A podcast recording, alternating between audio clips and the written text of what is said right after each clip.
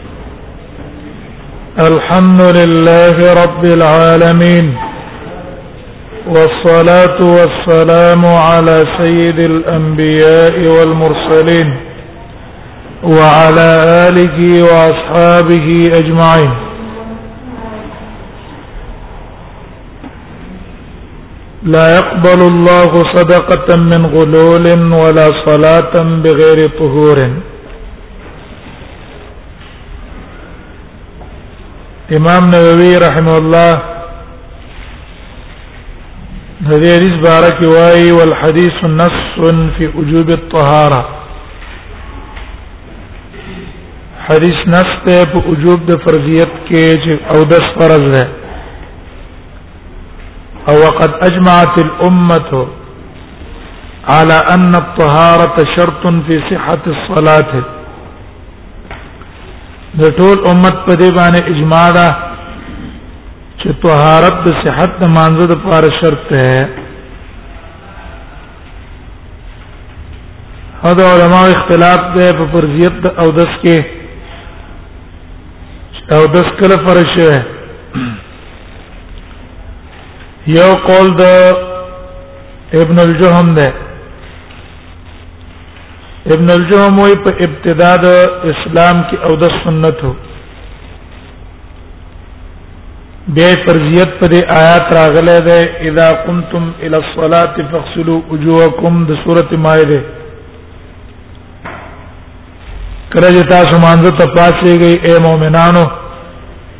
مخ ولاس پینځئ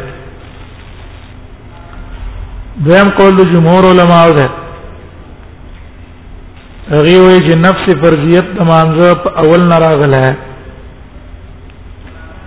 کوم ورځ چې مونږ پر شوه ده اق ورځ باندې فرضیت او د سم راغله دا قول راجح ده دلیل پر روایت د دار قطنی ده وای کړه چې رسول الله صلی الله علیه وسلم باندې مونږ پر شو وی جبريل عليه السلام راغه فعلمه الوضوء والصلاه نبی صلی الله علیه وسلم ته او د سمور خودو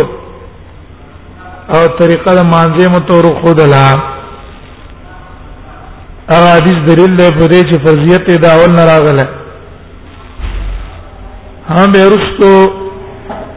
آیات د سورته مائده کې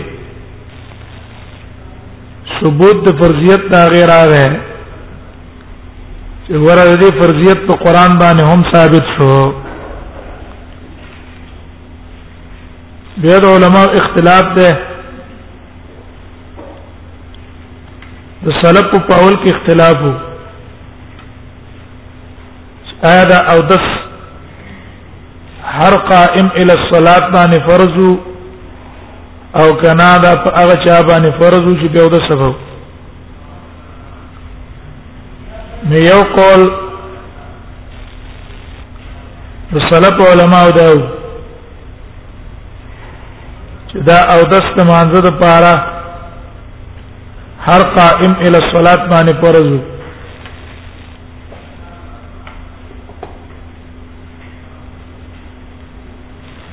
ظاهر د آیات باندې استدلال نیولو یا ای الذین آمنو اذا قمتم الى الصلاه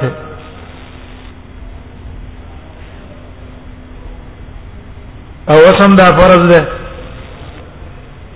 دیم قول جمهور علما ده جمهور علما وایي چې ټیک د پاول کې هر مونږ کوون کې باندې او د فرضو چې مانځ ته په پاسه خدا فرضیت به رستم منسوخ شوی دی په حدیث د عبد الله بن حنزله کم چې مخکې ذکر شو رسول الله صلی الله علیه وسلم ته امر وکړی شو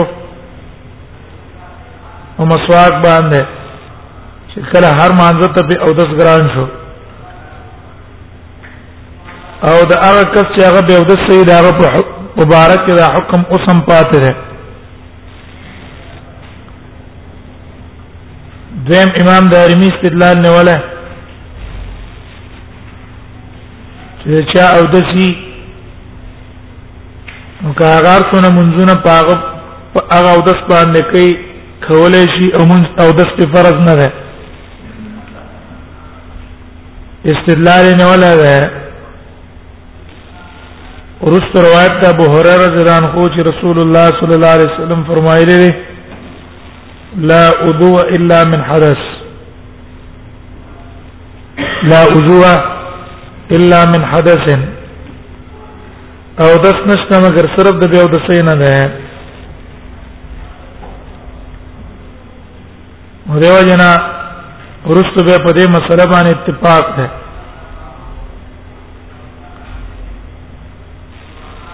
سبب د فرضیت څه ده یو قول لاله چې نفس حدث سبب د فرضیت ته علت تراخی دویم قول سبب د فرضیت قیام الی الصلات ته موجود الحدث دریم قول لا دی چې سبب د وجوب د او دس حدث ته مع القيام الى الصلاه اول به او دسه او بیا مانځه ته چې کله پاتېږي نو د اتوانه سبب ته د پاره د فرضیت بیا په دې حدیث کې رسول الله صلی الله علیه وسلم صدقم جمع کړه منځم جمع کړه په دې کې حکمت څه دی چې رسول الله صلی الله علیه وسلم په یو ځای کې دا ډول احکام را جمع کړه یو حکمت علما وې دا ده عبادت دو قسمه ده یو ته ویل کی عبادت مالی بل ته ویل کی عبادت بدنی نبی صلی الله علیه وسلم په عبادت مالی کې صدقه ذکر کړه لکثرت نفعها وعموم خيرها زکه دا هغه عبادت پیدا ډیره ده او خیر په کې ډیر ده او د عبادت مالی نه مونږ غوړه کو لکونها تالیت الايمان دا د دې وجنا چې ایمان په سبیم نمبر زکات ته د مونږ ده اول ایمان دیم نمبر مونږ دیمه وجه دا ده چې دا دوانه په یو ځای کې ذکر ذکر کړو چې دا اصل کې مشترک دي په احتیاج کې کون كلهما محتاجا الى الطهاره منظم محتاج ده طهارت ته صدقه محتاج ده طهارت ته صدقه محتاج ده طهارت د مال ته صدقه او زکات چې ورکه دا هغه مال نه ورکه چې کم پاکي حرام مال نه الله مال او صدقه نه قبلای او مون چې دا کوم محتاج ته طهارت ته چې دا حدث نه به پاکه دانګ د ظاهری نجاست نه هم پاکه نو په دوانو کې اصل کې احتیاج طهارت ته نه دی وجه دوان په یو ځای کې ذکر کا ما استفاده مې حدیث اخکار ده نبی حدیث دلالت وکړو چې صدقه د مال حرام نه جائز نه ده مقبول هم نه ده او که چا وکړه ثواب هم ته نه ملاويږي ثواب هم ته نه ملاويږي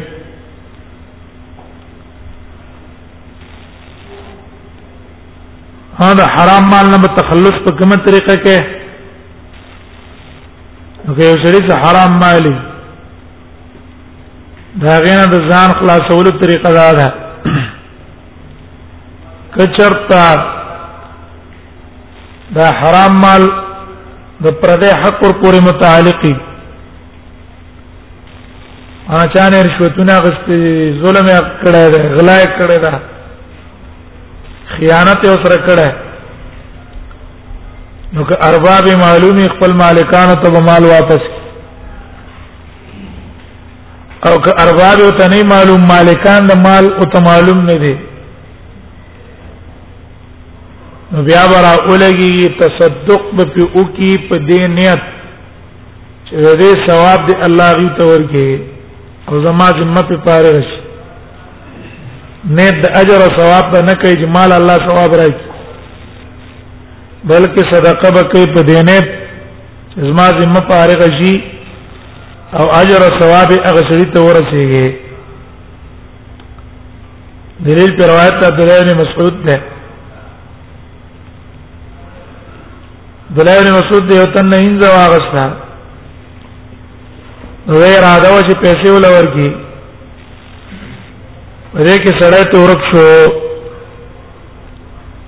یو کال پورې علماء ساتل قران غه نو کال پس عبد الله بن مسعود هغه مال صدقه کړو وی ویل چې یا الله دا ثواب دې سویل ورکه کبري رضای او کبري رضا نه معنی حسنات تقریبا اجر مال راکا نو تصدق بکې په نیت د فراغ الذمه دیم د حدیث نه معلوم شولو چې مونږ په غیر د طهارت نه کیږي نه طهارت شرط دی د پاره د صحت د مانځه به برابر خبره کې د مونږ د جنازي او که غیر جنازه ولدل تصلاتن نکره راغله په سیاق د نفي کې او نکره چې په سیاق د نفي کې راشي معنا د عمومه معنا سره من قبلي کې نه سره من قبلي کې نه عام منځونه کې خود علما اتفاق ده منځ بغیر د او د بغیر د طهارت نه نه قبليږي لیکن په منځ جنازه کې اختلاف دی یو دا منځ جنازه په غیر د او دس نه جایز دی کنه د شعبی نه قول نقل له ابن جرير الطبري نه نقل له هغه وی چې جنازه دا جائز ده په غیر د طهارت نه ځکه ورې کې رکوع سجده ست ده نه صرف دعا ده او دعا به اوسه جائز ده تلاوت د قران هم به اوسه جائز ده دعا هم به اوسه جائز ده نو دا هم جائز لیکن د جمهور علما قول دا ده چې جنازه په غیر د طهارت نه جائز نه ده وجداد چې جنازې ته په قران کې مونږ ویل شوی ولا تصلي على احد منهم مات ابدا دارنګ په حدیثو کې تمون شعر صلوا على اخيكم نو په دې لپس کې داخل شو لا صلات بغیر تو ولا صلات بغیر طهور مونږ بغیر د طهارت نه قبليږي نه صحیح کیږي نه هغه سره په صورت ته هغه دا ناچاپی تا باندې جنازه را لته به وته سره تیمم ولواله شي کواله نه شي کو دس لذي جنازه ته نزي تیمم ولواله شي کنه امام بخاری او جمهور علما را یاد ده چې تیمم بنوي او دس پکې لیکن د احناف مذهب ته دی چې بیا په تیمم جنازه کولای شي غیر استدلال نیولې پر روایت ابن عباس موقوف ده په ابن عباس امام به خیره وړه اذا فجئت کا جنازه ما صافی در باندې جنازه رااله او ستا او د سنو فتيمم لها وتيمم لوها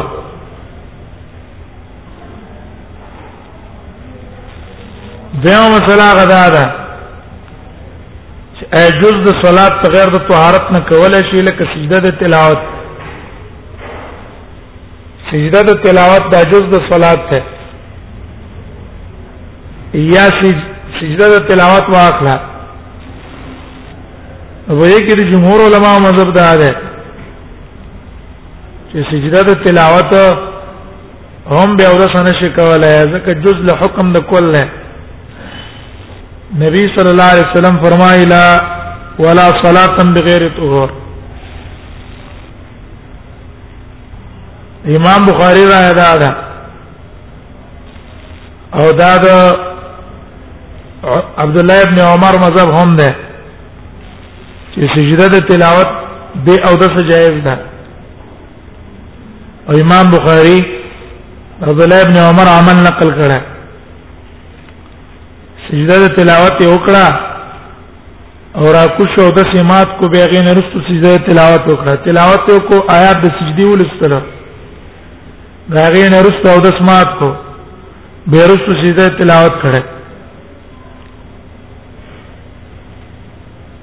درم اختلاف پدې کې ده هغه عمل چې رسول الله صلی الله علیه وسلم مشابه د مانځ سره ویل آیا د هغه لپاره طهارت شرط ته پشان ته د مانځ او کنا مثلا طواف نبی صلی الله علیه وسلم فرمایلی دی الطواف بالبیت صلات طواف د بیت الله نه پشان ته د مانځ ده مگر دون ادا چې په تواب کې دنه الله خبر جایز کړي نو تاسو به خبره د خیر کوي لا تکلموا الا بخير آیا د تواب د پاره طهارت شرط په شان ته مانځه او کنا جمهور علما مذهب دا ده چې څنګه طهارت مانځه د پاره شرط ده د قصد تواب د پاره شرط ده کچا طواف په غیر د طهارت نه کو دا طواف اون شو امام ابن فرحم الله مذهب دا ده چې طواف ته پر طهارت شرط نه ده بلکې واجب ده کچا طواف په غیر د طهارت نه کو طهارت صحیح شو او فرضیت ته ساقط ته داغه جبیره په دم باندې راځي جبیره په څه باندې راځي په دم او خپل قاعده مطابق تله قرآن کې مطلق طواف ده وليطوفوا بالبيت العتيق مطلق شامل له مطلق دوران تھا و طهارتي که بغیر طهارتي کومه وسه قید د طهارت شرط وګرځو مطلق د کتاب الله با خبر واحد باندې مقید شي دیوال نه طهارت ولا شرط نه ده لیکن راجح قول جمهور علما ده اوس یو سره ده اگر اولګه د قصدنه به د سمونځو کو بلا عذر عذر هم نشتا خو ته پتر زه به ودسه ما قصدن عمدن به ودسه منځو کو که خطای نه منځو کو ته پته نه ځان شیطان په غسل اړوله او دا سار منځو کو پته تنشتا ورستو ته پته ولګی یو داس مات کړه ده ګمان دار ازما او دشتا مانځنه بعد ته پته ولګی دا چې ما خو دس نو غری عمل مجرم نه ده خو عادت منځ بګی زګه تو عرب مانځه د پاره شرط ده یا عادت صلات بګی ها یو سړی ته پته ده زبه او دسه ما سره به او دسه نه مونږ کوي نو په اتفاق علماء باندې دا مجرم نه لیکن اختلاف په دې کې دی چې آیا په دې عمل باندې کافر کیږي کنه به او د سمونځ او کو عمدن قصدن بلا عذر نو په حرمت کې اتفاق دی خو په کفر کې اختلاف دی د امام بن فرحم الله مذهب دا ده چې دا سړی په عمل باندې کافر شو ولې ویل لتلاعبه بالصلاه د په مانزه پورې خندا او ټوکې وکړي او چې یو سړی د دین په یو جز پورې خندا او ټوکې وکړي په سړی کافر کیږي دیو جنا دا کافر دی ته مذهب د جمهور علما دی جمهور علما په دې کافر نه دی ځکه د کفر تعلق د اعتقاد سره لري اته دا عمل تلاعب ته وجه نه کړه او کله شرمندګي او خجل له وجه نه کړه ځان یو سره سب کې ولاړ نه او بیا ودا شو اوس د کبار ته جی شرم ده سره شرم د وجه نه ته په مانځ کې ودرې ده نو آیا دا غنیم دا کار د اعتقاد د وجه نه کړه کده خجل د وجه نه کړه شرم د وجه نه کړه ظاهر دا چې د شرم د وجه نه کړه دین پورې خندا تلاعب فرض نه و نو دیو جن راجح په لار جدا په کافر نه دی ګناګار دی د اختلاف په هغه صورت کې وو زړه په استعمال د اوبو باندې قادری او مونږ یو کړو بلا طهارت مونږ نه کیږي یو بل مسله ده علماء مس کې مشهور ده په فاقد الطهورین یو سره ده هغه قادر نه ده په استعمال له اوبو او قادر نه ده په تیمم کاپیان نیولې ده لاسونه ول تړلې خپې ول تړلې نو نه او دس کولای شي او نه ته ممواله شي یا کمره کې بند کړی دی هغه ځای نجس ته ټول دیوالونه او بوله ور کینا یا لاسونه پرې کړی شي دي لاسونه خپم پرې لاسونه پرې کړی شي دي مخې زخمی ده دام په حکم د فاقد الطهورین کې ده آیا د فاقد الطهورین څه حکم ده دا به مونږ کوي کنه به کوي او کته دا مونږ کو نو آیا ولا صلات تم بغیر طهورین کې دا داخل نه کنا دا مون صحیح شو او کنا نو دلیل په اعتبار باندې دلیل په اعتبار باندې راجح قول لا دی چې په فاقد الطهورین باندې مونږ واجب ده دا به کوي او کوم مونږ چې وکړو دا مونږ صحیح دی صحیح دی اعاده په نشتا مونږ په واجب دی او کوم مونږ چې بیا د څه وکړو دا مونږ صحیح شو به ته اعاده په واجب نه وجوب په ولې ده مونږ په ځکه واجب ده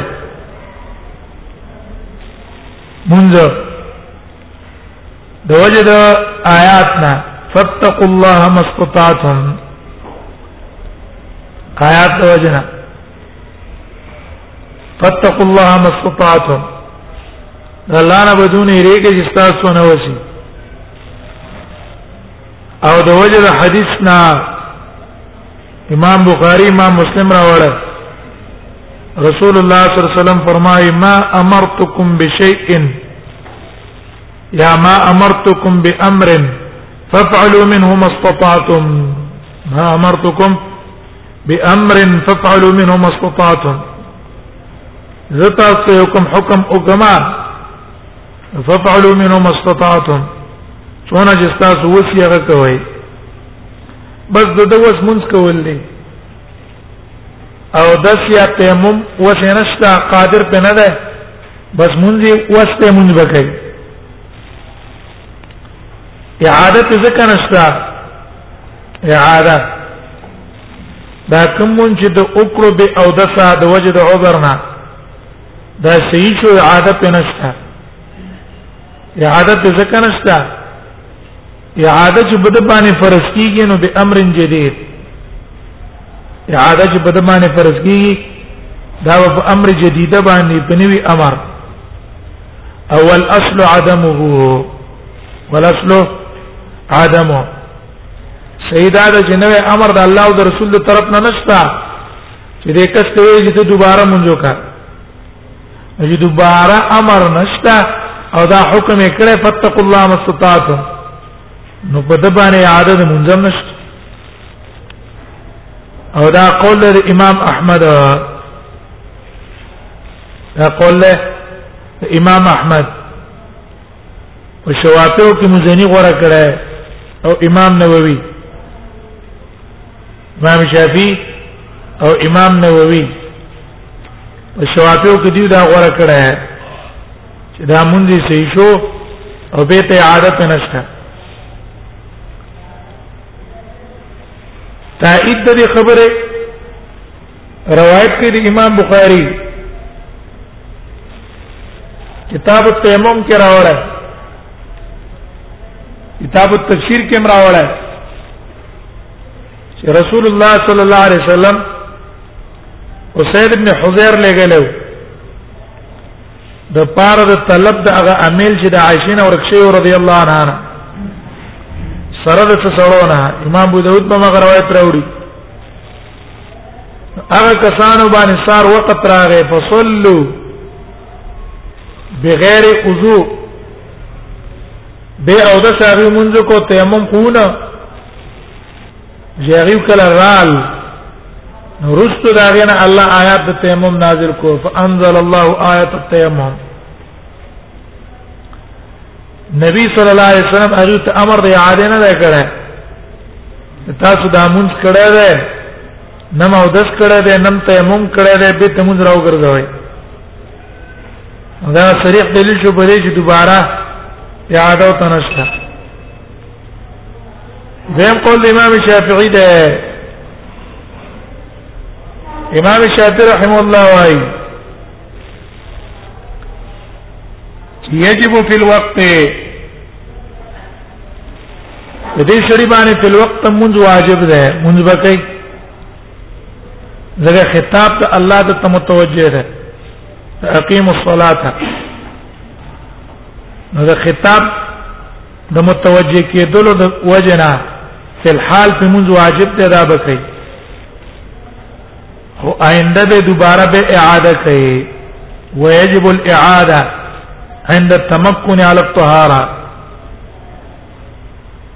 او کله چې د قادر شو په طهارت به ته په اعاده واجب ده د وجه د حدیث د باب نه ولا صلاه بغیر طهور غیر طهارت نه مونږ کیږي نه د وجه نه اعاده د صلات هغه باندې لازم ده او دا قول بعض مالکیانو نه هم نقل راځي دریم قول معتمد او مشهور مذهب د مالکیانو ده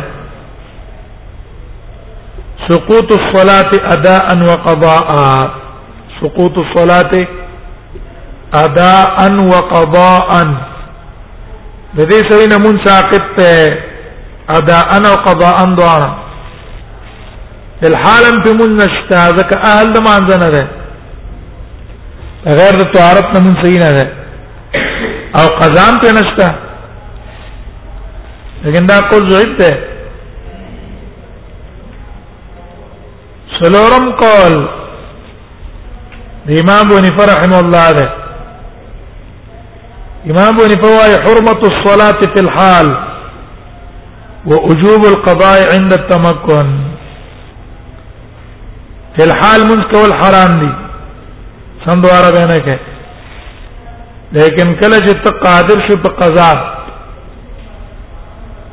وته من دکرو استعمال د ابو یاد تیمم بیا په د باندې قضا په غټیم کې لازمه ده خو په بیغمه کې انزم قول احناف کریمان سب ده او رسنو احناف واغیله ترجیح ور کړی هغه دا چې مونږ باندې کوي يتشبه بالمصلين اسه د مونږ کوونکو سره تشبه کوي مانځ باندې به ودرېږي خو نیت د صلات باندې کوي اسه غلې به ولاړې قرات باندې کوي رکوع ته بلاجی تسبیحات بنوي سجدي باندې به پریو چې خو تسبیحات ته پکې نه وای هغه مشابهت به وکي او يعيد متى قدر او کله چې قادر شو په مانځ باندې دا با به تمون راګرځي احنا کوم دې قول ترجیح ور کړې وې ځکه دا د اصول د شریعت سره موافق ده یو سړی ده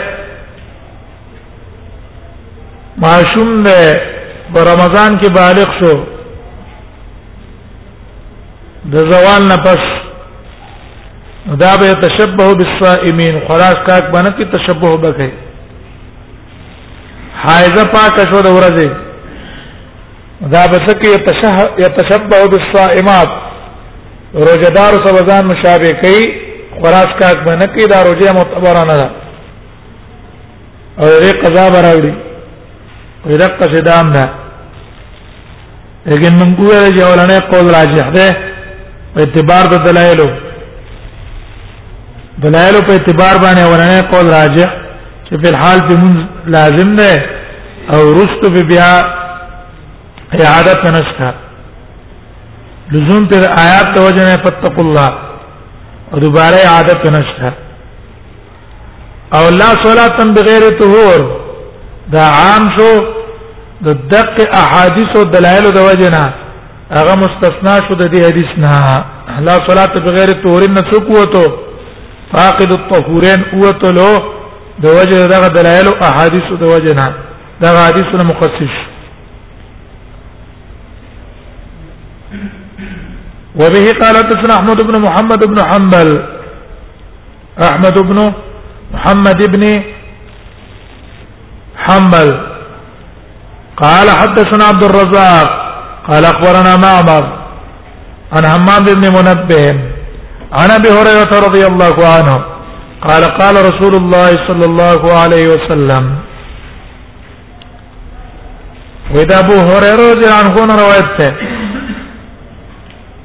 رسول الله صلی الله علیه وسلم فرمایلی دی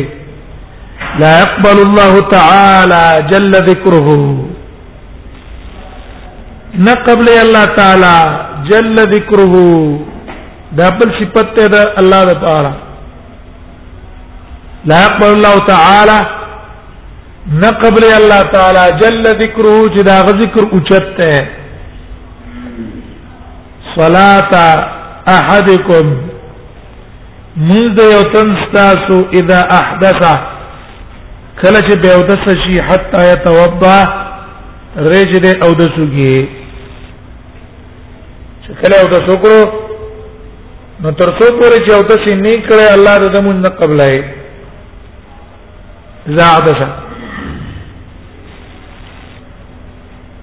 حدث ستوي اذا حدث حدث لکیږي کل ناقض للطهاره هر هغه شی ته ویل کی چې ماتون کې د طهارت ماتون کې د طهارت هغه ته ویل کی حدث دا شامل دی به اکبر او اصغر دوانو ته حدث اکبر لکه جنابت او حیض که سره په حالت ته جنابت کی یا زنانه په حالت د حیض کې ده او په دې حالت کې دا مونږ کوي په غیر د عذر را جایز نه هم په حیث کې عذر نشتا دا اهل نه ده جنابت کې طهارت دې نه ده کړه نه دې تیمم واله او نه دې او دس کړه مونږ نه کې او اصغر نه مراد یو د سیدا بیا د ابو هريره رضی الله عنه روایت کی تفسیر د دې راغله امام بخاری روایت نقل کړه د ابو هريره دا چا ته پوښتنه کړلو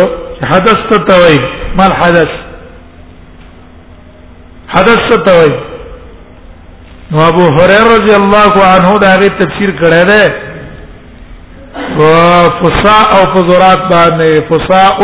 او ضرات فساء هغه باد ته وجد انسان نه اوزي او بدبوي پکې او زرات هغه هوا ته وي چې د انسان نه اوزي هغه سره आवाज نو هغه تفسیر د حدث په فصا او په زرات باندې وکړو علما وايي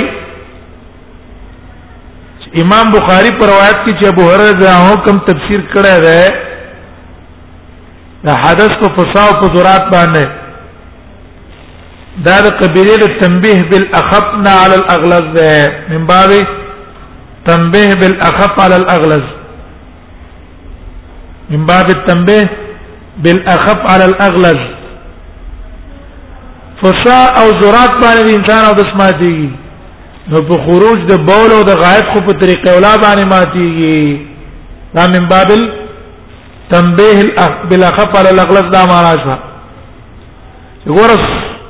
فسا او بزرات چې د انسان نه اوزي هغه او د سماتي نو په خروج د معنی د مزه یا په خروج د بول او د غایتو چې هغه اغلل شي نه دی خو په طریقې ولا باندې په د سماتي یا ابو هريره رضی الله عنه دا خاص تفسیر د دې وجه نه کړه چې د حالت د مون بیان کړه چې وطن په مانځ کې ولاړی په مانځ کې او په مانځ کې به اودس شون الله مون نه قبلې تر څو پورې چې اودس یې نه کړه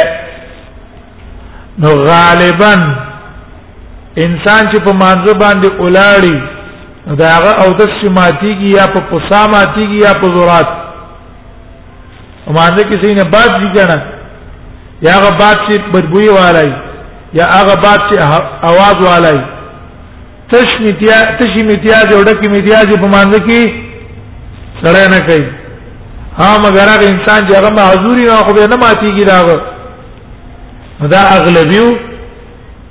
دا د نور په نسبت باندې اکثر په مانځ کې واقع کیږي نو ځکه تفسیر بالاخص کړه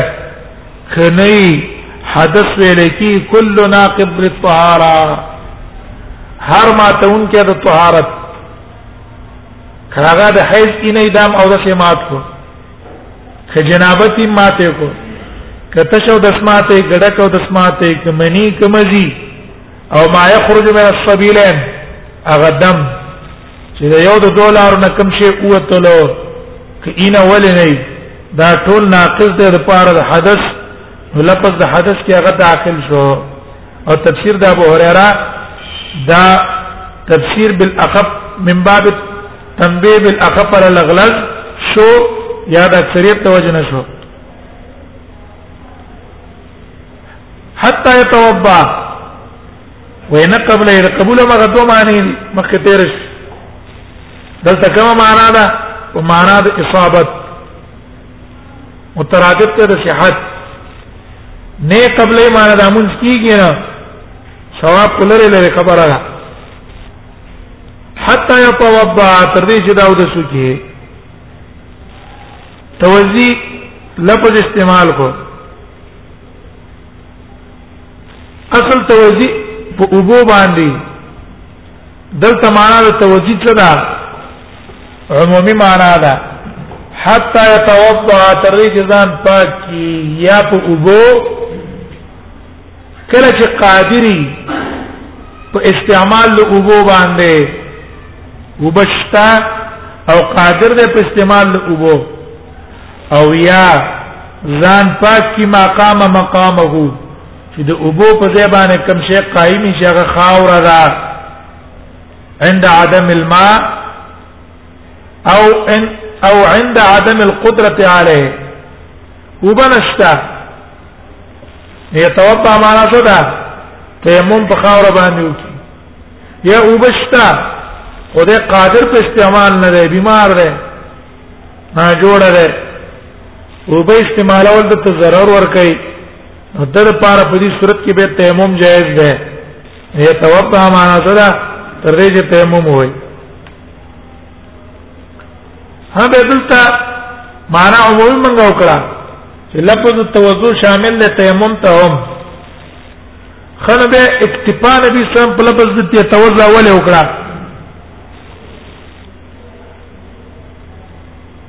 نو حکمت په دې کې دا ده نبی صلی الله علیه وسلم اکتفا صرف په اودس وکړه ذکر اصل له اصل او تیمم دا غي خلق ته نو دیو جن اکتفای په اصل او کاغه خلق پکې داخل نه او یا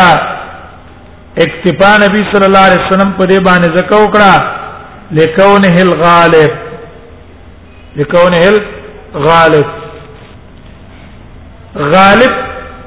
او دسته تیمم کله کله یو د سر وخی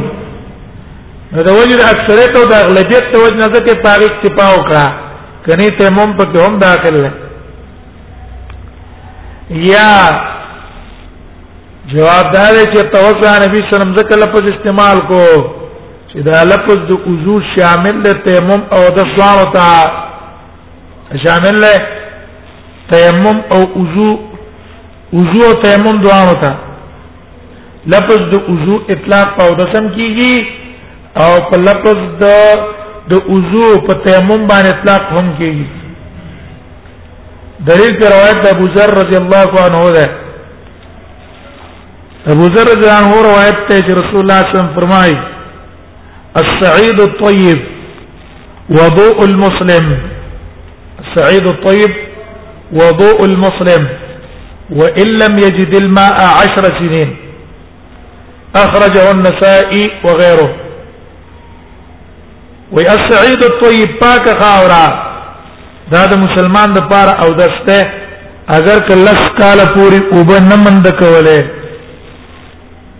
ولم يجد الماء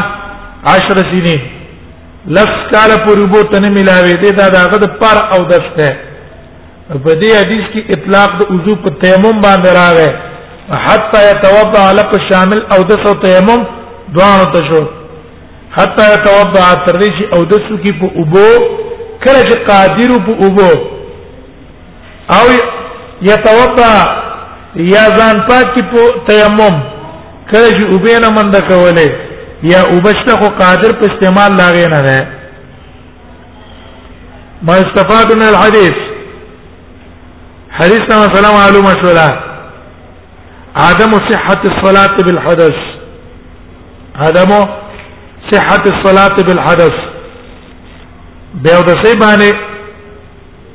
مونږ یې کیږي نه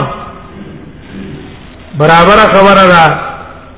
کدا تا ځان به اودس اختیاري کو کې استراری دي کو کې قصدن دي ځان به اودس کو او کبي اختیار ته به اودس شوي په دوه صورتونو کې ستا مونږ یې نه ده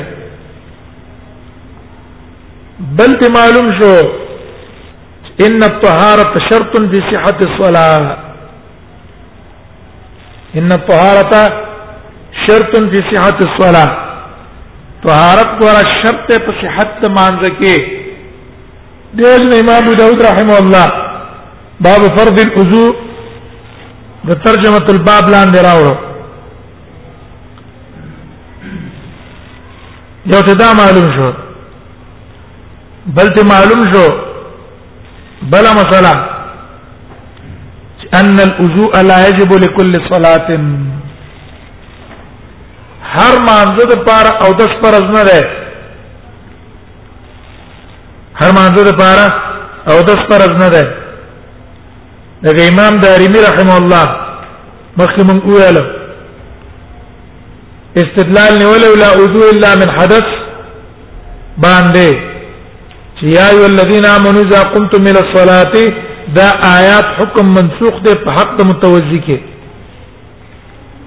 دغه څه دی د کوم دا شو یا ایو الذین آمنوا اذا قمتم الى الصلاه فاغسلوا وجوهکم دا آیات حکم شامل له هغه چاته چې غیر متوجی او چې چا او د شي هغه ته دا حکم شامل نه دی ولی دلته نبی صلی الله علیه وسلم نه په قبولیت کړی دا لغایت لزو الا يقبل الله الله تعالی مون قبل تر کوم وخت پورې ته به او د سړی مون قبل تر کوم وخت پورې حتا يتوضا دا مون نه قبل نه قبل تر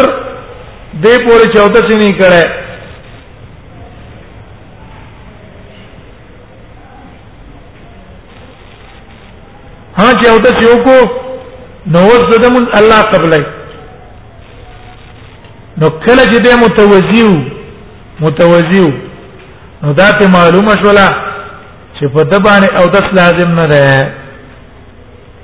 اله مونږ نه قبلې چې بیا ودسو او چې کله متوضی مونږ الله قبلې او ويقبل صلاته ما دام متوضعا تر څو پورې چې د پاودس کې وو وو نو څور مونږ چې په دې باندې کوي الله تعالی قبلې وبه قال حدثنا عثمان بن ابي شيبه قال حدثنا وكيع عن سفيان عن ابن عقيل عن محمد بن الحنيفيه عن علي د علی رضی الله عنه روایت ده د علی ابن ابي طالب نه دی وای چې رسول الله صلی الله علیه وسلم فرمایلی دی مفتاح الصلاه الطهور مفتاح الصلاه